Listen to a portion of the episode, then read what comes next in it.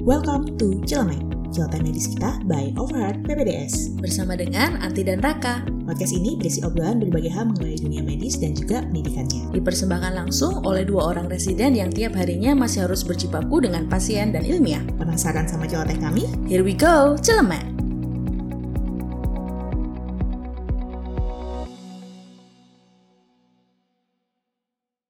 Hello everybody, gimana kabar kalian semua?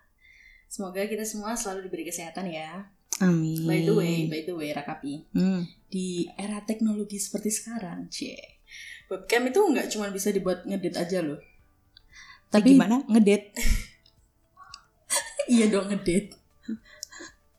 Ya udahlah. Loh, ngedit atau rapat wes, ngedit atau rapat. Iya, Hmm. PJJ dong. Bahas jarak jauh Oh gitu ya. Aduh, aku udah lama nih nggak belajar. Eh, lu si webinar kagak ada yang diikutin.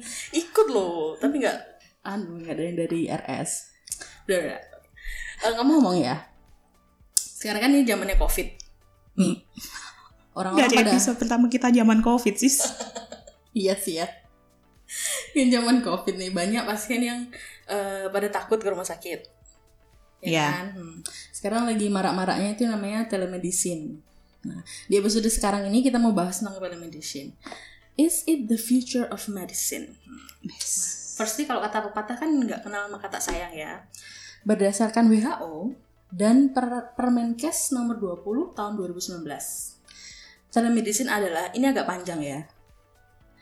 Pemberian pelayanan kesehatan jarak jauh oleh profesional kesehatan dengan menggunakan teknologi informasi dan komunikasi meliputi pertukaran informasi diagnosis, pengobatan, pencegahan penyakit dan cedera, penelitian dan evaluasi dan pendidikan berkelanjutan penyedia layanan kesehatan untuk kepentingan peningkatan kesehatan individu dan masyarakat. Astagfirullahaladzim, panjang banget definisinya. Sebentar ya. Ini tau gak sih? Apa? Ini kan naskah kamu kasih tadi malam. Mm-mm. Karena gue tepar baru gue baca. Mm-mm. Gue kagak paham jujur. Ah, lu. Jadi intinya gini nih, telemedicine tuh ya. Ya gue sebagai pendengar aja di episode ini ya. Lu aja yang jelasin. Gini, lo kita kan mau dialog nih, dialog nih. Jadi telemedicine itu eh kalau kamu sakit nih, Mm-mm. kamu nggak usah ketemu aku, nggak usah ketemu dokter, nggak usah ke do- dokter. Kamu bisa eh, langsung lewat HP atau lewat tab atau lewat laptop, bisa langsung hubungin, janjian sama dokternya, dok, saya lagi sakit nih. Nah kayak gitu. Intinya tuh kayak gitu. Jadi ya intinya ya kita ketemu dokter tapi ibaratnya secara virtual. Oh. Oke. Oh, nggak nggak cuma itu aja loh. Tapi eh, juga misalnya nih dari dokter sama dokter, kalau aku misalnya mau ngerujuk, Mm-mm. nah eh, bisa lew apa kayak ngirim foto, ngirim EKG, USG gitu. Itu sebenarnya udah kita lakukan sejak lama gak sih? Eh enggak, jadi itu kayak dia punya eh, platform khusus. Ya, itu Jadi nggak cuma lewat WA gitu aja. Enggak, I mean gini loh. Kalau sekarang kan kok telemedicine tuh kayaknya so high tech banget gitu kan. Padahal kalau kita mau pakai simpelnya sebenarnya ini ini adalah hal yang sudah dipraktekin sama Hmm. kita Udah lama sih. udah lama. Kayak kita jaga IGD, konsul ke spesialisnya kan kita akan ngirim EKG-nya, Yes. ngirim apanya. Tapi sekarang mulai tuh ada aplikasi-aplikasinya buat Ya. konsul dengan dokter. Terus lu tau gak sih Hmm. EMR yang online sekarang, Oh, oh, oh. aplikasi rekam medis Hmm, online itu kan jadi bisa like, diakses lewat mana Hmm, aja benar, gitu. itu. Jadi dia kayak punya platform khusus. Jadi biar kalau ngirim EKG tuh biar nggak kelihatan buram-buram gitu. Ini kelihatannya ini ada ST depresi atau bukan sih?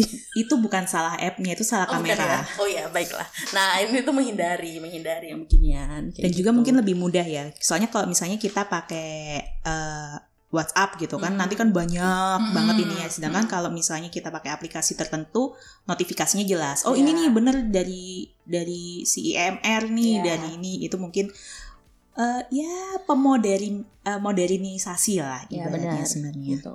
Tapi ada istilah lain nih. Selain telemedicine ada juga telehealth. Oke. Bedanya itu adalah kalau telemedicine itu secara klinis, Mm-mm. sedangkan kalau telehealth ini nggak cuman klinis aja. Jadi kalau misalnya diagram Venn tuh Mm-mm. telemedicine itu berada dalam telehealth. Jadi telehealth ini termasuk pendidikan, kemudian eh, kalau mau administrasi kesehatan kayak gitu. Jadi nggak cuman klinis aja.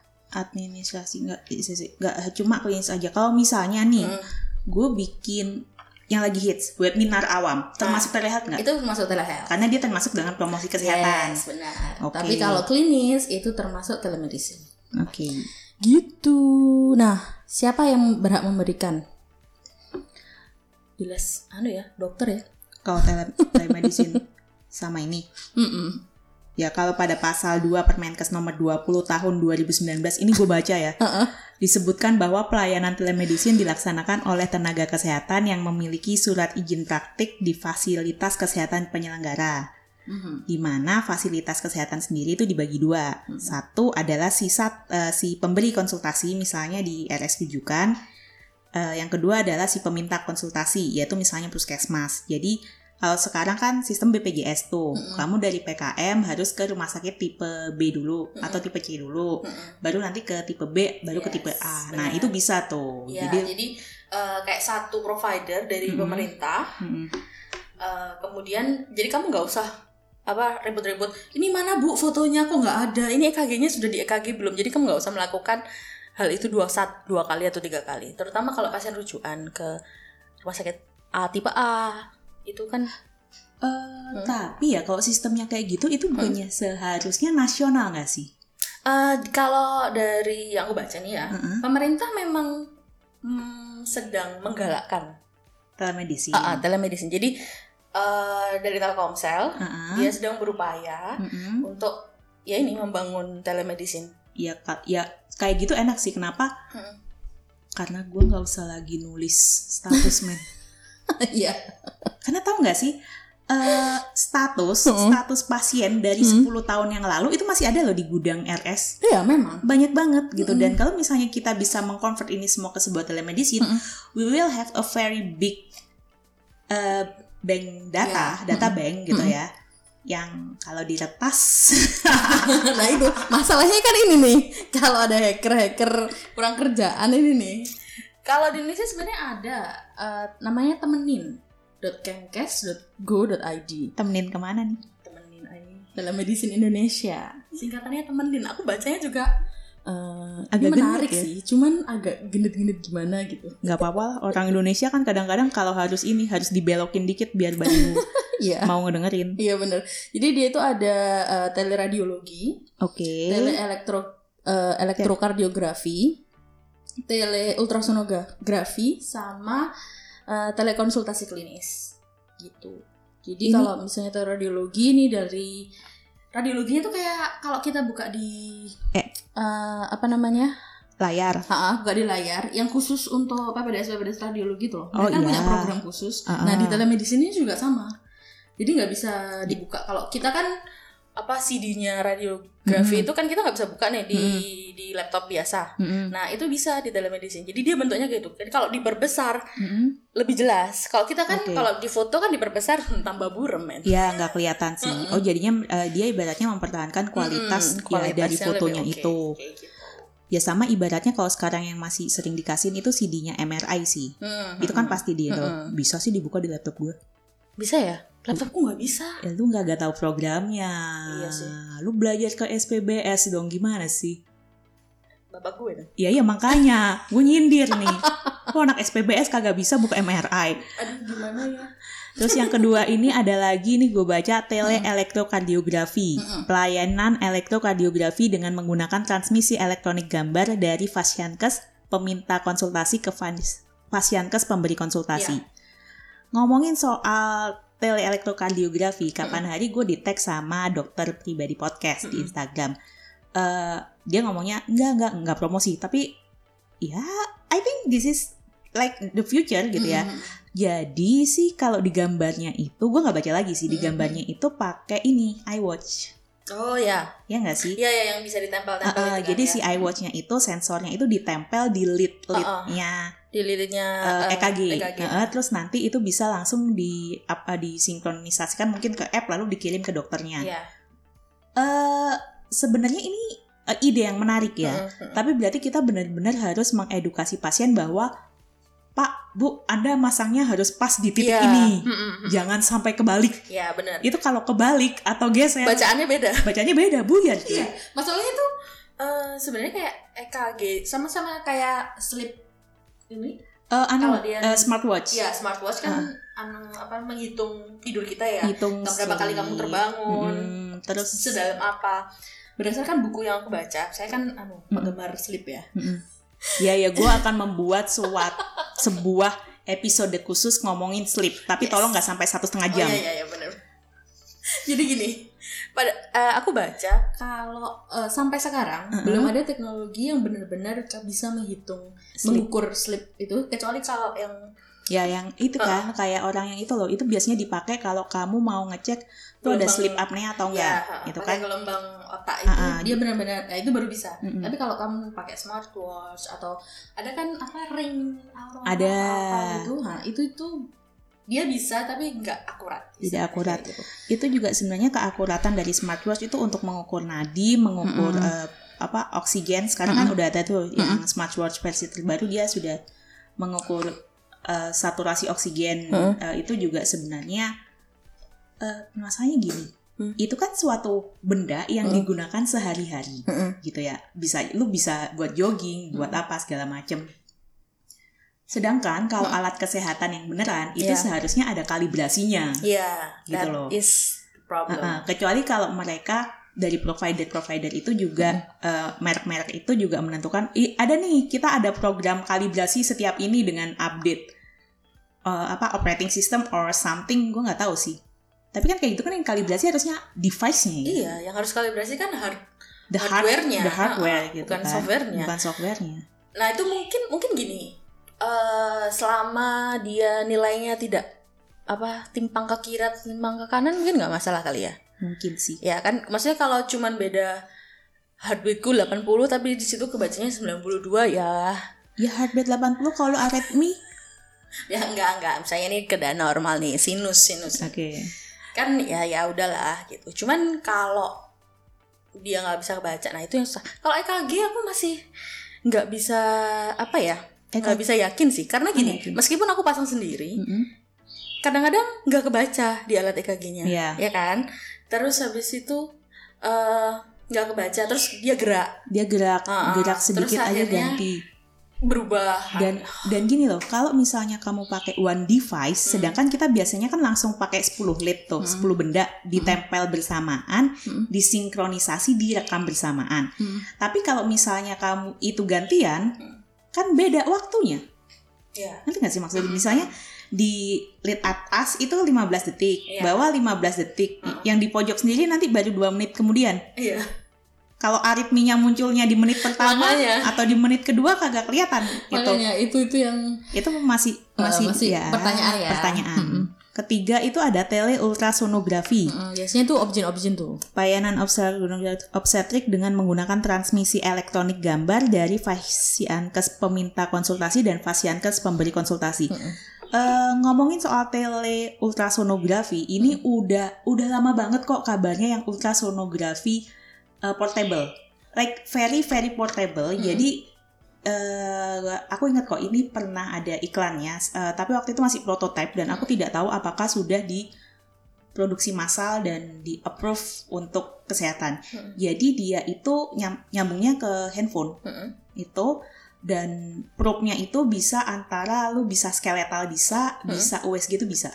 oh gitu Iya. wow Dan itu beneran, itu beneran. Aku pernah bener-bener kayak, duh gue pengen nih USG Hmm. ini gitu kan ya. Kayak karena kayak daripada kayak harus dorong-dorong Harus dorong USG gede-gede itu ya. gede-gede gitu kan. Ada sih USG koperan gitu Iya, kayak sekarang, tapi kan tapi kan the price jelas. is a bit untuk gue gue PPDS yang ini kan masih aduh gitu kan masih eh. Nah, maksudku kalau buat belajar belajar Mm-mm. aja I think kayaknya menarik gitu loh ya, ya pasti presisinya berbeda lah kalau Iya, sama iya. yang mesin itu tapi kalau ibaratnya sebuah pembelajaran for daily practice sih kayaknya masih bisa gitu itu ada jadi eh, waktu itu short eh, komersialnya itu dia itu sampai dibawa ke gunung oh gitu iya jadi ada kayak ya kecelakaan Mm. itu itu dibawa ke gunung dan dia bisa melihat skeletal ininya Hmm. kayak gitu kalau Wow. Iya. Jadi istilahnya kita eh, apa ya? Bisa tahu pada waktu itu ini di mana sih masalahnya kalau Ah. saya trauma gitu iya ya. dan kamu tahu nggak sih itu aplikasinya kalau misalnya memang modelnya cuma handphone dan probe Mm-mm. gitu itu kan bisa banget kalau lu kirim ke pelosok pelosok Masalahnya the problem di Indonesia nih. Sinyalnya, men. Nggak, nggak, nggak gini loh. Maksudnya Mm. bukan eh, nggak usah soal kamu nggak bi- nggak usah soal kamu itu ngirim ke atas dulu, nggak usah. Oh. Tapi maksudku di di belak di bawah gitu. Oh. Kamu sudah punya device Hmm. yang bisa kamu pakai sendiri. Ya memang sih kalau kamu objin dulu kan pasti tahu toh cara ini letak sungsang, Iya. letak apa segala Mm. macam. Mm. Tapi kan kalau misalnya yang kamu yang apa itu kebelit tali pusar apa sih namanya sis? Beli tali pusar. Istilah yang agak medis dikit ya? Nggak ada. Nggak ada. Itu kan kagak bisa lu pegang-pegang cuy gitu Oh. kan. Kan lu pakai apa? USG kan? Iya, pakai USG. Nah itu loh maksudku kan eh, bidan-bidan Eh, itu eh, eh. mungkin bisa diberi latihan Ah. dasar yang di sana-sana buat lihat atau gimana. Menurutku sih itu cukup membantu. Iya, iya, sih. Nanti di masa Di depan, masa depan. kalau misalnya nanti telemedicine kita sudah Uh-uh. bisa dengan sinyal sampai pelosok Mm-mm. sana sudah masuk, kan enak banget lu bayangin dong itu kalau itu ada, Hmm. men. itu enak banget karena gini masalahnya transportasi di Indonesia kalau di Pulau Jawa sih pakai mobil bisa ya kalau Hmm. di Kalimantan Sumatera itu kan naik gunung turun gunung naik Hmm. gunung turun gunung Pakai naik- getek. makanya pesawat aja gak bisa Heeh. jadi itu kalau misalnya sinyal nyampe ya jadi pasien-pasien yang nggak perlu apa ya istilahnya nggak gawat darurat nih Mm-mm. Ya udah pakai telemedicine aja Pakai iya dan misalnya kalaupun itu perlu pen- eh, misalnya nih Mm. perlu penanganan darurat. Mm-mm. Maksudnya bukan darurat yang satu jam trauma Iya. harus langsung ini loh ya, tapi kan ada kan kayak hal-hal maksudnya kayak kebelit, kebelet eh ke, kebelet lagi apa? kebelet Kelilit, oh kelilit kelilit tali pusar gitu. Oh, itu iya. kan ya kalau misalnya bayinya kagak kenapa-napa kan ditanganinya nanti pada saat keluar toh. Mm, mm, mm. Kan kayak gitu, oh ini si ibu ini bayinya kelilit tali pusar nih, Mm. berarti gue harus mulai nanti ngerujuk ini ini. Itu tuh Iya. sudah disiapin Sudah jalurnya, benar, udah disiapin. Mm. Jadi kalau itunya sih gitu. Kemudian selain itu yang terakhir adalah telekonsultasi klinis, Hmm. yaitu pelayanan konsultasi klinik jarak jauh untuk membantu menegakkan diagnosis Hmm. dan atau memberikan pertimbangan atau saran tata laksana baik secara tertulis, suara dan atau video serta harus terekam dan tercatat dalam rekam medis. Yes. Ini gue paham ini. Jadi nggak nggak. Jadi gini nih. eh lo tau nggak sih yang bisa banget kayak gini tuh apa? apa Dermatovenerologi. oh iya memang Kulit. Iya, dia paling ngehits. Dia paling bisa banget untuk pakai telemedicine Iya. kalau lo punya kamera yang bagus dan ini. Karena tinggal di foto. Hmm. Coba saya lihat yang mana masalahnya. Tinggal di foto cek kan. Iya, termasuk Ya, eh, ini dan masuk kayak gue kemarin alergi. Mm-mm. Itu kan gue cuma sebenarnya cuma ngeliatin gini, eh, Mm-mm. ngeliatin siku yang merah-merah itu Ha. aja. Dokter gue langsung ngomong, oh kamu ini atau puimu kumat ini. Oh. Dan kamu tau nggak sih itu beneran bisa kalau kamu sebenarnya tidak bertemu, tinggal Iya. ngomong.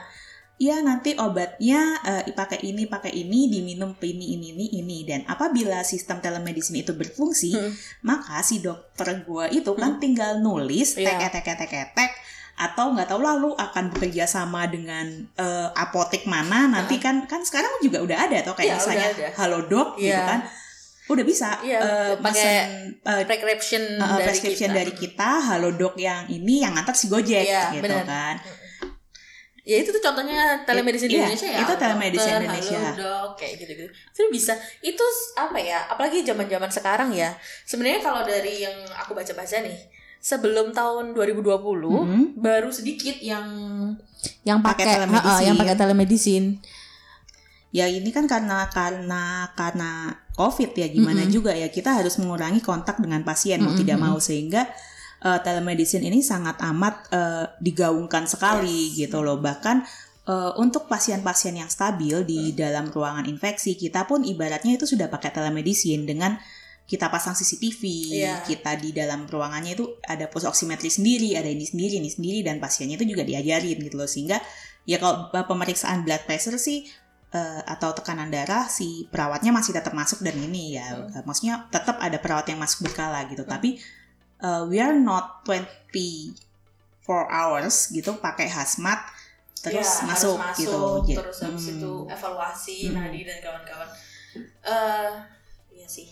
Itu kemudian ya banyak juga sih ya dia perkembangannya loh ya. Hmm. Dia di Amerika Serikat aja contohnya Hmm. tahun 2019 dia cuma 11% yang pakai yes dan sekarang jadi 46%. Iya.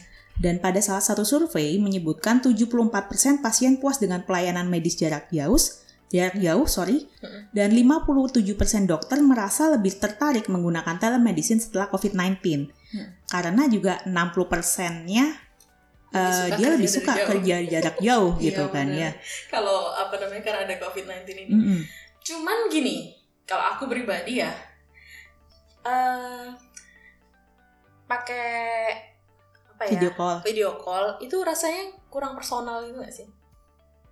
Hmm, karena enggak enggak karena kita hidup kita diajari bahwa eh, look, listen, and, And feel. feel. Yes. gitu. Anu, kalau lu makanya kalau apa dermato mungkin Hmm. gampang ya karena kan tinggal foto aja Hmm. gitu kan. Sedangkan kalau kita kan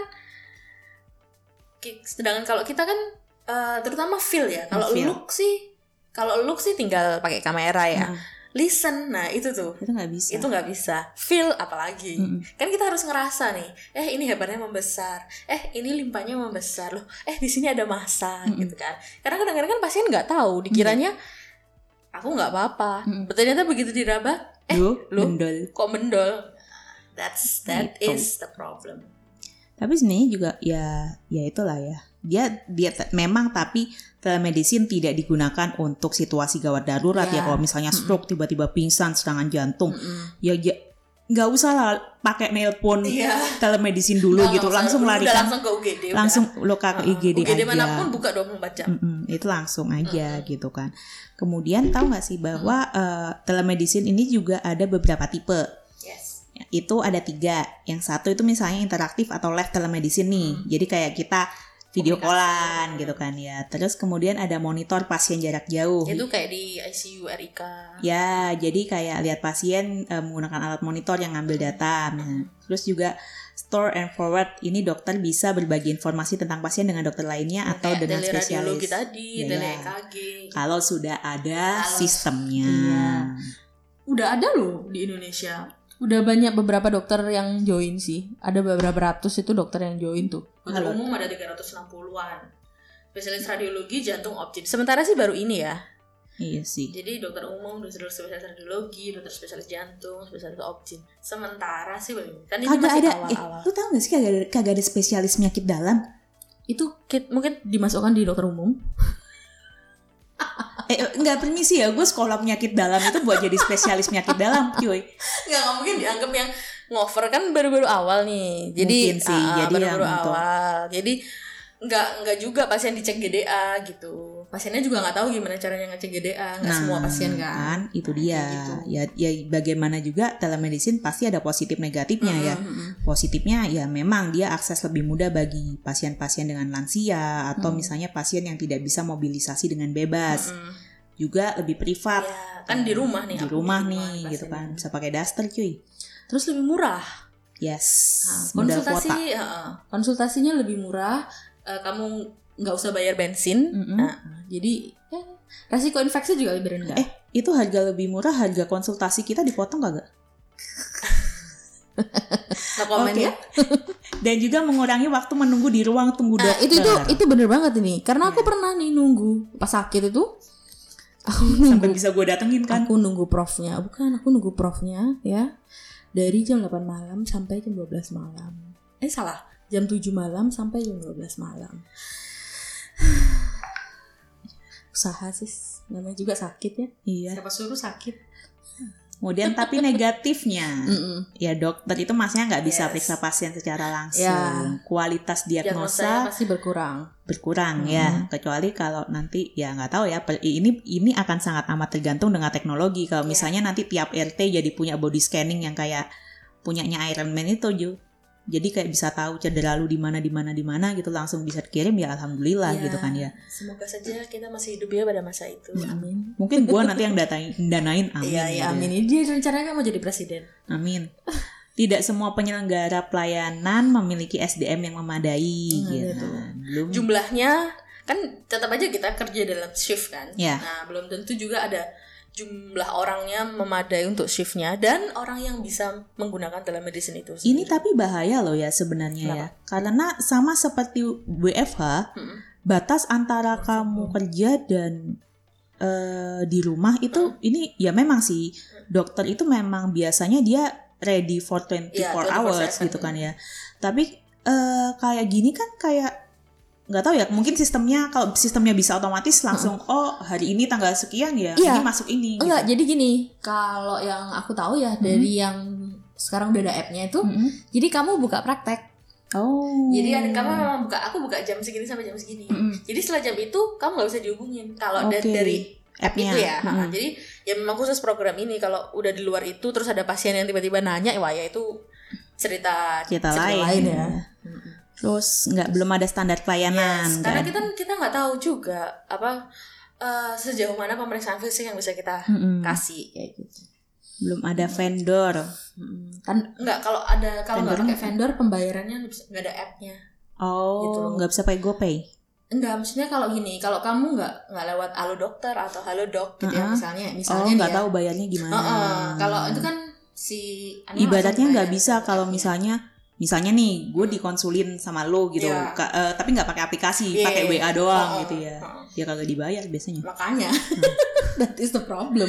kurangnya kesadaran pasien mungkin tidak mengerti bagaimana menggunakan layanan yang benar Mm-mm. nih ini ini benar banget Mm-mm. dan dukungan dari perusahaan asuransi belum ada kalau di luar udah udah ada beberapa Ya. uh, perusahaan yang menanggung. Tapi kalau di Indonesia BPJS sih masih dalam wacana untuk menanggung telemedicine karena ya COVID-19 ini. ya padahal ini loh aku yang aku baca itu Hmm? jadi beberapa hari yang lalu uh, aku sempat scrolling Twitter ya Hmm. ya yang belum tahu overhead PPDS punya Twitter tapi gue jujur aja Twitter itu tidak terpakai tapi gue cuma retweet tweet Heeh. retweet eh, hal-hal yang terjadi di dunia medicine luar. Gitu jadi kalau kamu mau tahu gosip-gosip atau recehan-recehan dokter luar bisa Hmm. di follow twitternya overhead PPDS oke balik lagi gue scrolling Twitter Hmm. Eh, dia itu jadi di luar negeri beberapa pihak asuransi itu sudah eh, punya dia ngasih home Ngasih kit apa? set. Oh iya. Jadi dia ngasih kamu termometer, Hmm. dia ngasih kamu kayak semacam pulse oximetry, dia ngasih kamu alat untuk mengukur tekanan darah sendiri. Ya. Jadi nanti si pasien itu dari rumah dia akan entah gue nggak nggak nggak ini lebih lanjut sih ya, Hmm. tapi dia membuat appointment untuk dengan dokter ini dan sebelum itu dia harus sudah punya data. Ya. Bahkan untuk pasien-pasien yang kayak eh, diabetes atau Hmm. apa, dia juga diberikan alat untuk mengukur gula darah sendiri yang datanya itu bisa ke store, Oh ya. ke simpen gitu. Hmm. Jadi ketika nanti si dokternya datang, dia sudah punya data. Oh, Oh, iya hari Oh. ini segini, hari ini segini, segini, segini. Hmm. Itu sudah ada. Mm-mm. Sistem di beberapa eh, Itu- negara itu sudah ada. Nah, the problem is adalah karena karena gini di luar sana kan dia sistemnya adalah dokter anu ya layanan primer. Iya. Nah, dia punya beberapa. Oke, aku melayani rumah nomor 1 sampai nomor 10 katakan Hmm. gitu kan. Nah, pada rumah sakit yang yang nomor satu nih, oh dia sudah sakit diabetes, yang ini sakit, Hmm. ini sakit. Jadi sudah ada Memang datanya. sudah ada datanya Iya karena kan? mereka punya ini nih apa yang health insurance itu Iya. loh apa sih gue lupa namanya Apa? social service number Oh iya, social service number. ya kan yang pokoknya kalau itu yang lebih yang lebih penting yang ibaratnya di sana yang paling penting daripada nomor KTP lo adalah Iya, sos- your social, social service number gitu loh karena dia memuat data kesehatan, data Mm. asuransimu, Mm. data pensiunmu apa segala Iya, macam di dan sana. dia punya semuanya kan. Mm-mm. Jadi semuanya terpusat. Jadi kalau misalnya aku ke rumah sakit A, eh, keluar kota nih, ke rumah Mm-mm. sakit A, dia juga nge-store data di Iya. tempat yang sama kan, dat- Mm-mm. di pemerintah. Mm-mm. Jadi nanti kalau aku misalnya kembali ke rumah sakitku yang Mm-mm. biasanya aku ke sana, dataku bisa, oh ka- kamu habis dari luar kota ya, bisa Iya. dari rumah sakit ya. Jadi kayak gitu. Kalau di Indonesia, unfortunately belum ada. belum ada. Jadi susah juga untuk para uh, perusahaan asuransi ya. Mm-mm. Kalau dia misalnya mau membagikan kit itu dan orangnya terlalu banyak, men. ya Dan nanti kitnya malah jadi dijual kalau di Indonesia. Eh, ini Indonesia ini kadang-kadang ya semua bisa dicuanin sih tapi jangan Iya. itu juga dicuanin Iya, gitu ya. makanya. Aduh. Apalagi nih WHO. Ini nih, enggak enggak apa nih yang bisa kita lakukan sebagai dokter? Ini kan ada surat edaran eh, se- nomor 303 tahun 2020 Baru ya Maret loh itu. Iya. dari ini Apa namanya gara-gara Pandemi. COVID ini. heeh. Jadi eh, selama pandemi, Mm-mm. selama pandemi kita diperbolehkan untuk melakukan telemedicine itu. Oke. Heeh, jadi yang boleh kita lakukan adalah pertama anamnesa ya, Mm-mm. terus pemeriksaan fisik, terus memberikan saran berdasarkan hasil yang mendukung, hasil pemeriksaan yang mendukung, ya kasih diagnosa, kasih terapi, dan kasih surat rekomendasi. Jadi surat rujukan kalau saya mau ke eh, fasilitas kesehatan yang lebih tinggi. Tapi yang tidak boleh kita lakukan itu adalah memberikan surat sehat. Oh ya. Ya, yang lain-lain sih kayak eh, apa ya? melakukan telekonsultasi tanpa adanya mediasi, memberikan informasi yang tidak cukup, memberikan pelayanan di luar kemampuan, bertindak kasar kepada pasien, meminta pemeriksaan penunjang yang nggak relevan. Itu rasanya berhubungan dengan etik, Etik ah, sih. etik kita kan ya. Hmm. ha, ha. Tapi yang kita nggak boleh itu memberikan surat sehat, karena kan kita Kita nggak tahu. ah, kita nggak Hmm. tahu, dia harus cek semuanya. Aku Iya. pernah loh, waktu masih awal-awal jadi dokter nih, waktu Hmm. dokter internship, aku nggak tahu si surat sehat itu. Jadi ada dulu ngasih surat sehat, aku Hmm. periksa. Terus habis itu aku kasih surat sehat. Mm-mm. Terus sama spesialisnya, eh, waktu aku di poli bedah, Iya. aku bilang dok, ini saya kas- tadi habis ngasih surat sehat, udah kamu periksa ini ini, ini semua. Sudah dok. Terus coba kamu panggil lagi. Heeh. Jadi si anaknya ini kan mau masuk ke polisi atau apa? Polisi, Polisi apa biasanya. TNI gitu loh. Heeh. Oke. Tes tes satu ya udah masuk. Nah terus kan dokternya tuh ngecek lagi. Mm-mm. Karena kalau eh, kita ngasih keterangan surat sehat, sedangkan dia nggak sehat sementara dia mau masuk akpol atau TNI, Mm-mm. pasti dokternya di anu apa Cariin. ha, dicariin pasti. Kenapa Jadi, kamu berani-beraninya iya, memberikan surat sehat kamu pada berani-berani? ya, jadi kalau di telemedicine yang nggak boleh kita kasih adalah surat sehat, saudara-saudara.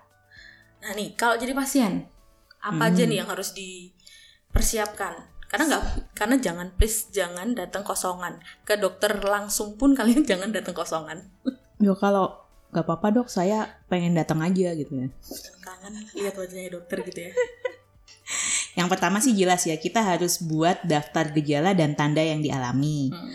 Eh, misalnya pusing, pus atau misalnya nyeri, Mm-mm. nyeri di bagian mana, di kepala, Mm-mm. eh, mulai kapan, apa tambah berat atau tambah ringan gitu. Mm. Mus- eh, mungkin eh, pasien sih eh, tidak akan berpikir sejauh itu ya, Yeah. tapi maksudnya adalah eh, kita memang benar-benar tahu bahwa oh gue mau ke dokter soalnya gue pusing. Oh ya. sudah berapa? Udah dua minggu nih gue Mm-mm. pusing lainnya sih pasti akan di guide sama kita Iya. Eh, karena kan kayak kita anamnesis kan ada prinsip 5W1H Iya. atau apa kenapa mulai kapan di mana dan kawan-kawan Hmm. gitu kan jadi eh, pastikan keluhan utamanya Anda apa dan karena ini dan juga menurutku sih juga dari apa daftar gejala itu juga siapkan waktu Iya. karena telemedicine ini menurutku dia akan butuh waktu lebih lama daripada kamu Hmm. ketemu langsung bener.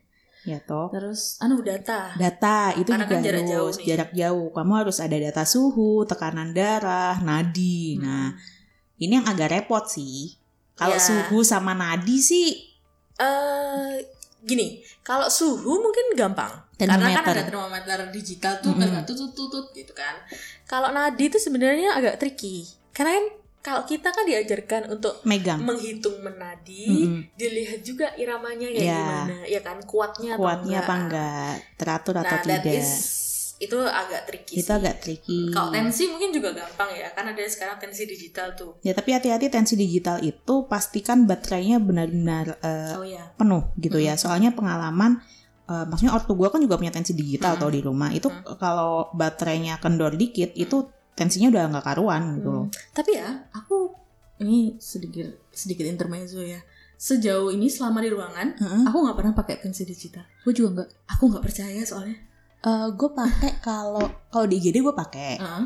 tapi kalau pasiennya bisa ngajak ngobrol biasa Oh, gitu iya, loh tapi kalau pasiennya sudah terbaring gitu Heeh. gue cross check pakai Iya, ini pakai tensi. tensi manual. manual, Hmm. gitu. gitu.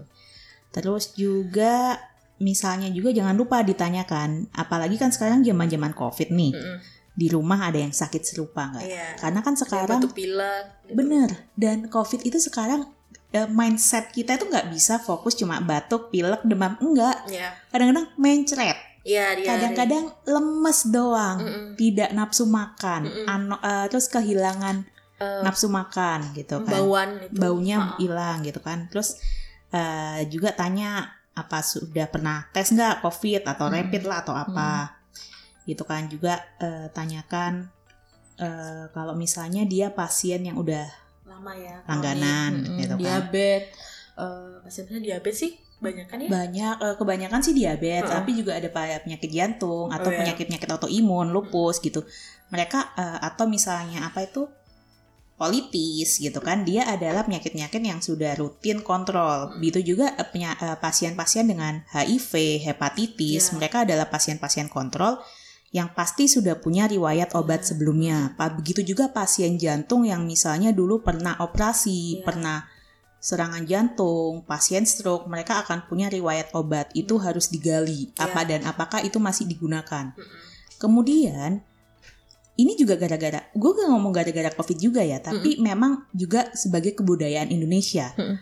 Adakah jamu-jamuan yang diminum? Oh ya, banyak tuh orang-orang yang Mm-mm. Eh iya dok saya juga sebenarnya minum madu dari sini Ha-ha. atau ramuan dari sini Ha-ha. atau dari itu tuh klinik-klinik Klinik dikasih kasih obat dari Ah, klinik gitu. dari apa? Dari Ya itu jangan lupa di itu jangan lupa Ha-ha. ditanyakan. Karena meskipun dia istilahnya natural ya, Mm-mm. itu dia tetap mengandung senyawa kimia, ya kan? Se- eh, sebe- eh, enggak, sebenarnya semua Ya, bahkan semua tembok pun itu sebenarnya adalah senyawa kimia sebenarnya gitu kan. ya. udara air itu semuanya senyawa kimia Everything is chemical Iya. gitu kan ya.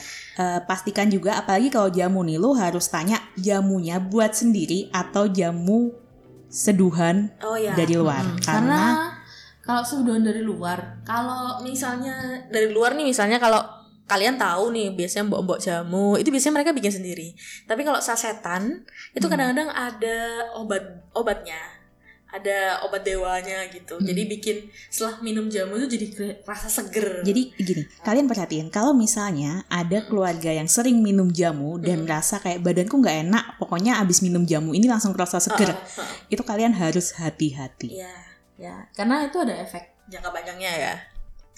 Ya begitu. Terus yang harus disiapin? siapin sama ini oh Siapin ya sama pasiennya dong.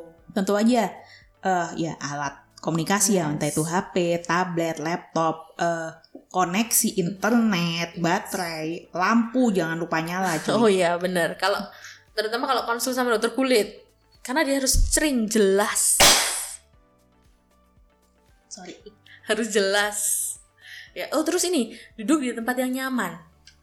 Ya, karena ini kan ya seperti kita tahu bisa lama, bisa lama, bisa sebentar tergantung. Kalau mungkin sudah sudah biasa, sudah rutin, mungkin lebih sebentar ya. Tapi kalau misalnya baru pertama kali, mungkin ya waktu yang lama. Dan tempat yang nyaman ini penting sih karena bagaimana juga kan ibaratnya kamu mencari dokter karena keadaan nggak enak. Ya. Kalau tempat dudukmu nggak nyaman, terus badan lu juga dari awal udah nggak enak ya tambah nggak enak lah gitu kan ya. Iya. Mana juga. Jadi menu- menurutku sih sebenarnya sah-sah saja kalau misalnya kamu tetap di tempat tidur sambil sendenan gitu ya. Uh-uh. Tapi ya jangan sampai kayak kamu lagi video call sama pacar aja gitu. Jadi Iya. HP-nya ditaruh di atas terus tiba-tiba eh, gaya gravitasi menarik HP lo jatuh nemplok ke muka gitu. Seperti Kamu pengalaman ya? bukan itu gue pernah lagi chatan sama temen sama ini loh temanku psikiatri Uh-uh. gitu. Terus dia bilang, "Kak, HP gue barusan jatuh ke muka." kayak mikir, "Mbak lu ngapain sih HP sampai jatuh ke muka itu?" gitu kan. Dan juga jangan lupa siapkan kertas dan pensil untuk taking notes. Iya. Jadi lu harus catat atau kalau enggak gini deh. eh, mungkin pendampingan keluarga itu perlu ya. Oh, perlu banget Hmm, ini. Jadi bisa mungkin eh, kadang-kadang kan ada loh beberapa pasien yang kagak ngaku, Oh ya, ya benar. kan? Kadang-kadang enggak dong, eh, Uh-uh. eh, enggak minum. Misalnya nih pasien-pasien yang dengan penyakit ginjal kronis gitu Mm-mm. kan, minum air berapa bu sehari? Satu gelas kok dok. Terus istrinya tuh biasanya nyaut tuh Oh, iya. gede. Enggak dok, itu kemarin minum Es eh, dawet." dawet." kayak, wih gila itu istrinya galak bener gitu. Iya. Apa awal-awal tuh sudah mau marah kan pasiennya karena sudah sudah minum air kebanyakan apalagi pasien sudah reguler Eh, ada HD reguler. udah cuci darah rutin terus edem gitu kan ini pasti minum kebanyakan Iya. nggak jadi gue marahin gitu orangnya istrinya ini pasti udah dimarahin sama istrinya. istrinya tuh pasti udah ngamuk gitu di rumah ya gue kayak ya udahlah pak. Ya Ya, ya gitu ya. sabar. Ya, terus juga nah kamu juga eh ya itu sih dan memang harus si pasien ini memang benar harus proaktif di sini. kita benar-benar membutuhkan eh, proaktif dari pasien karena Ya. dia harus menjelaskan gejala dengan jelas dan detail gitu jadi kalau misalnya eh yang paling sering sih ibaratnya nyeri sih ya. Iya. Pain itu banyak banyak banyak jenisnya banyak banget jenisnya. banyak jenisnya dan penyebabnya dari jenis itu akan berbeda-beda Ibaratnya satu aja ya ibaratnya. Nyeri kepala. Hmm. Lu akan nyeri kepala sejak kapan? Di sebelah mana? Hmm. Pak, nyeri kepalanya terasanya bagaimana? Iya. Berkedut-kedut, atau pusing kemeng, atau pusing berputar, atau bagaimana? Mm-mm. Di kepala sebelah mana? iya Menjalar ke leher atau ke pundak? Uh, uh, terus eh, sejak kapan kemudian waktu apa Hmm. di te- di apa ya istilahnya Membaik waktu Uh, apa? uh, membaik waktu apa terus dia munculnya itu kira-kira kalau habis ngapain itu tuh penting banget makanya kalau ada nih pasien nanya nih dok kenapa sih kok ditanyain banyak-banyak saya biasanya sama dokter lain gak ditanya banyak-banyak Mm-mm. terus ya itu ini agak susah nih ini ada hubungannya sama episode kayak kita kemarin Oh iya. kadang-kadang Iya. aku kalau ditanyain gitu mau maunya bilang gini sih lah kenapa dokter yang kemarin kok nggak nanyanya nggak banyak ya Ya sih kalau gue jawabnya biasanya kalau eh enggak sih. dalam hati aja sendirian oh iya bu nggak apa-apa saya cuma pengen tahu lebih lebih apa lebih banyak kan tak kenal tak sayang gitu. biasanya oh kita ketawa terus kita lanjut lagi biasanya sih gitu Enggak sih gue pasien enggak sih pasien gue nggak pernah kayak gitu. Hmm.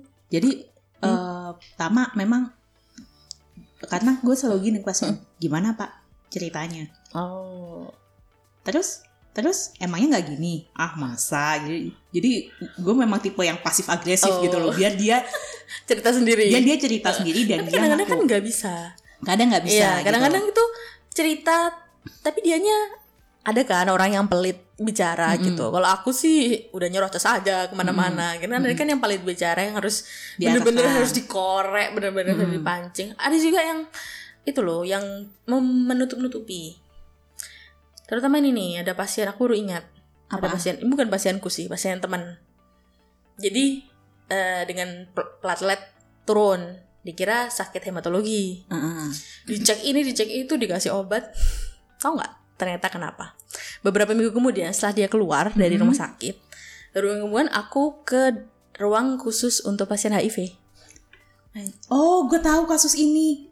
Si dan ternyata dia pasien. sakit HIV Si pasien yang ini itu itu i- enggak enggak itu yang nerima gue. di oh iya kamu yang terima Itu yang terima gue di IGD. Bener-bener yang laki itu kan? kan bukan cewek Oh Bukan. cewek waktu bukan, itu laki bukan. gue yang terima. Jadi dia kagak ngaku ada penyakit riwayat lainnya, ada Mm. kontrol ke ini ke mana Nggak ada yang ngaku. Ternyata dia kontrol sudah kontrol ke poli HIV tuh dua minggu. Eh dua Oh. bulan, sorry dua bulan. Enggak, ini udah bertahun-tahun pas ini Oh beda lagi berarti. ini dia udah minum-minum lama terus sempat putus Mm-mm. Nah terus dia apa dikira penyakit hematologi. Jadi gini kalau kalau ada yang dengerin terus mikir lah kok nggak dicek sih? Kok nggak anu? Gini kalau terutama untuk pemeriksaan kalau dia nggak ngaku ya sayang sekali di Indonesia ini eh, elektronik el- apa rek- rekam medis itu belum belum ada. Jadi belum ada satu pusat yang bener-bener apa ya kita bisa sekali buka masukin nomor rekam medis ini Dan terus kita bisa tahu semua. bahwa pasien Heeh. ini ada memang ada pasien HIV apa, apa, segala itu tuh saya unfortunately belum ada. Ini mulai mulai digalakkan. Jadi ini kita sedang mulai memulai Hmm. istilahnya telemedicine ini kita sedang mulai di rumah sakit sendiri juga udah mulai udah ke- mulai sih. ha, kita udah kan. mulai itu pakai password EMR. Ini udah dan ini udah kejadiannya udah beberapa tahun yang lalu.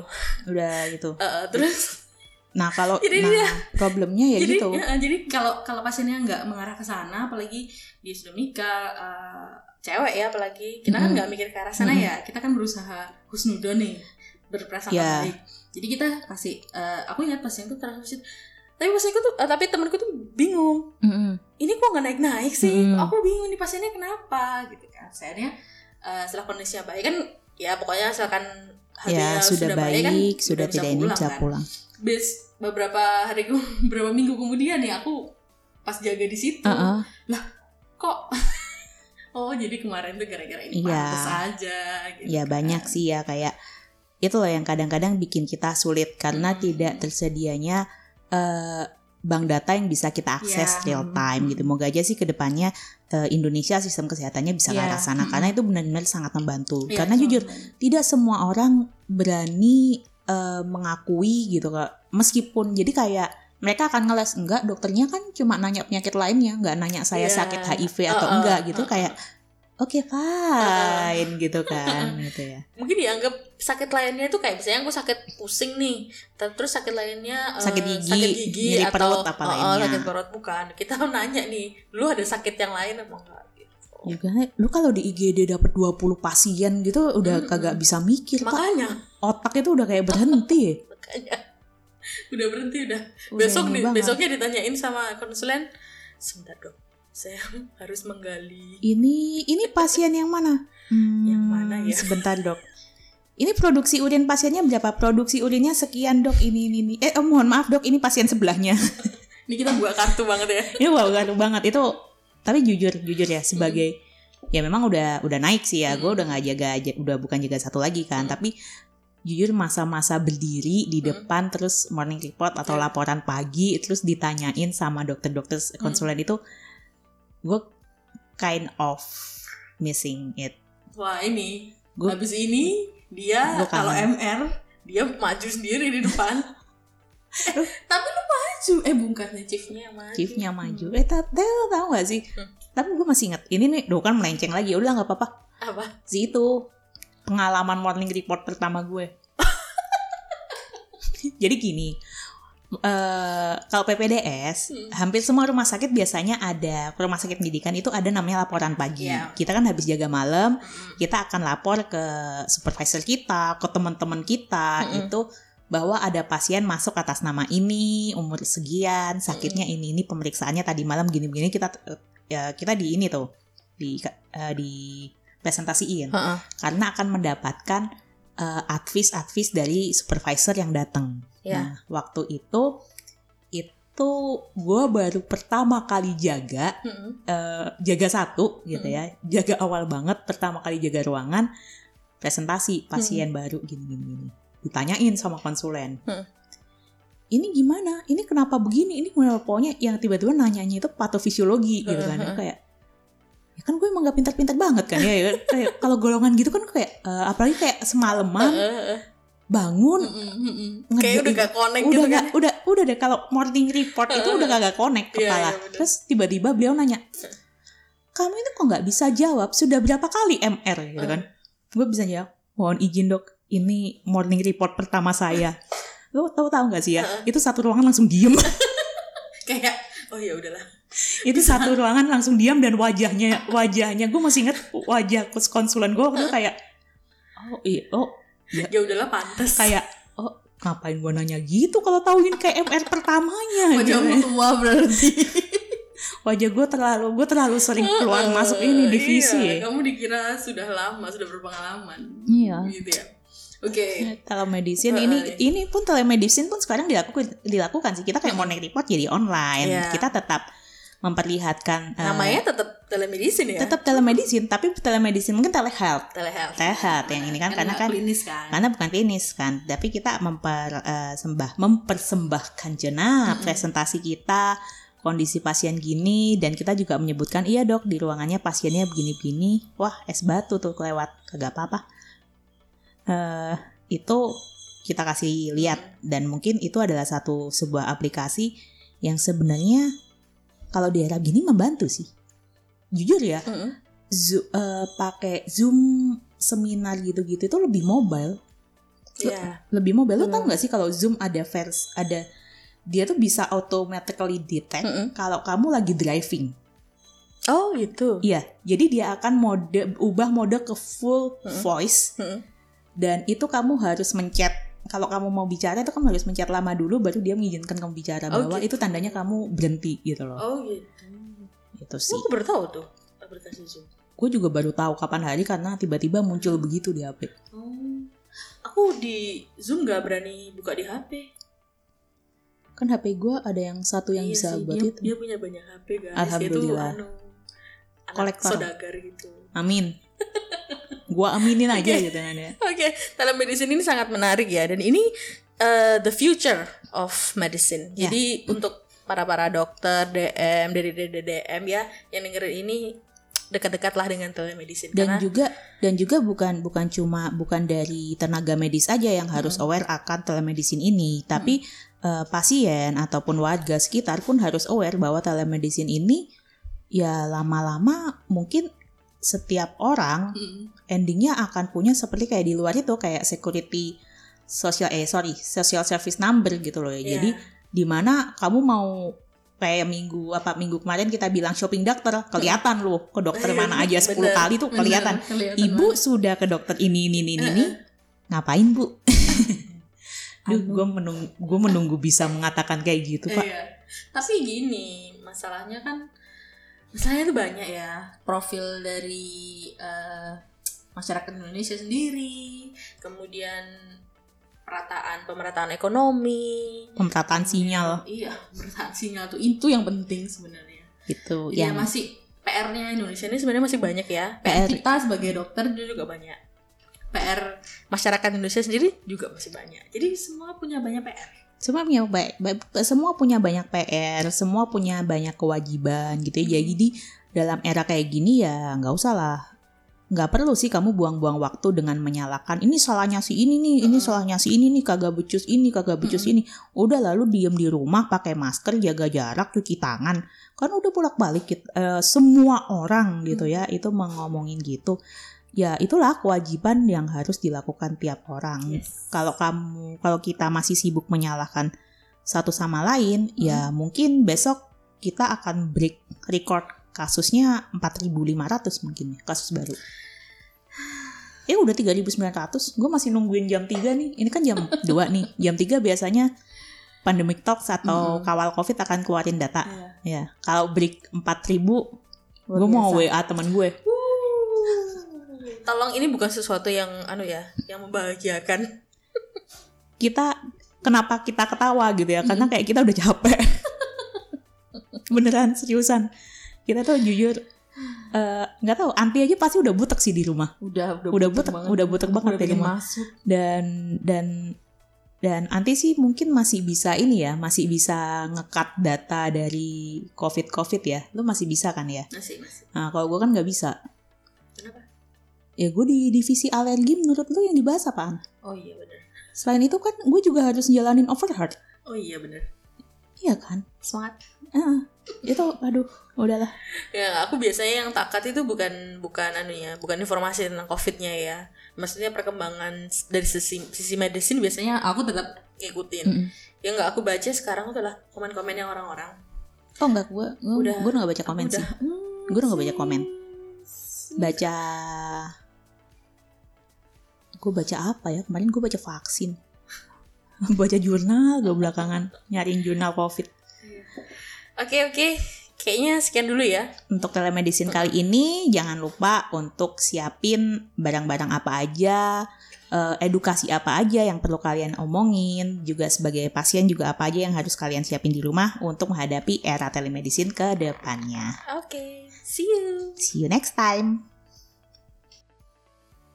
sekian dulu episode kali ini. Tungguin episode selanjutnya di Instagram of Heart PPDS dan juga jangan lupa follow kita di Spotify. dan anchor. See you next time di Cilemek, celoteh medis kita. Educate, enlighten. Entertain. Stay safe, stay sane.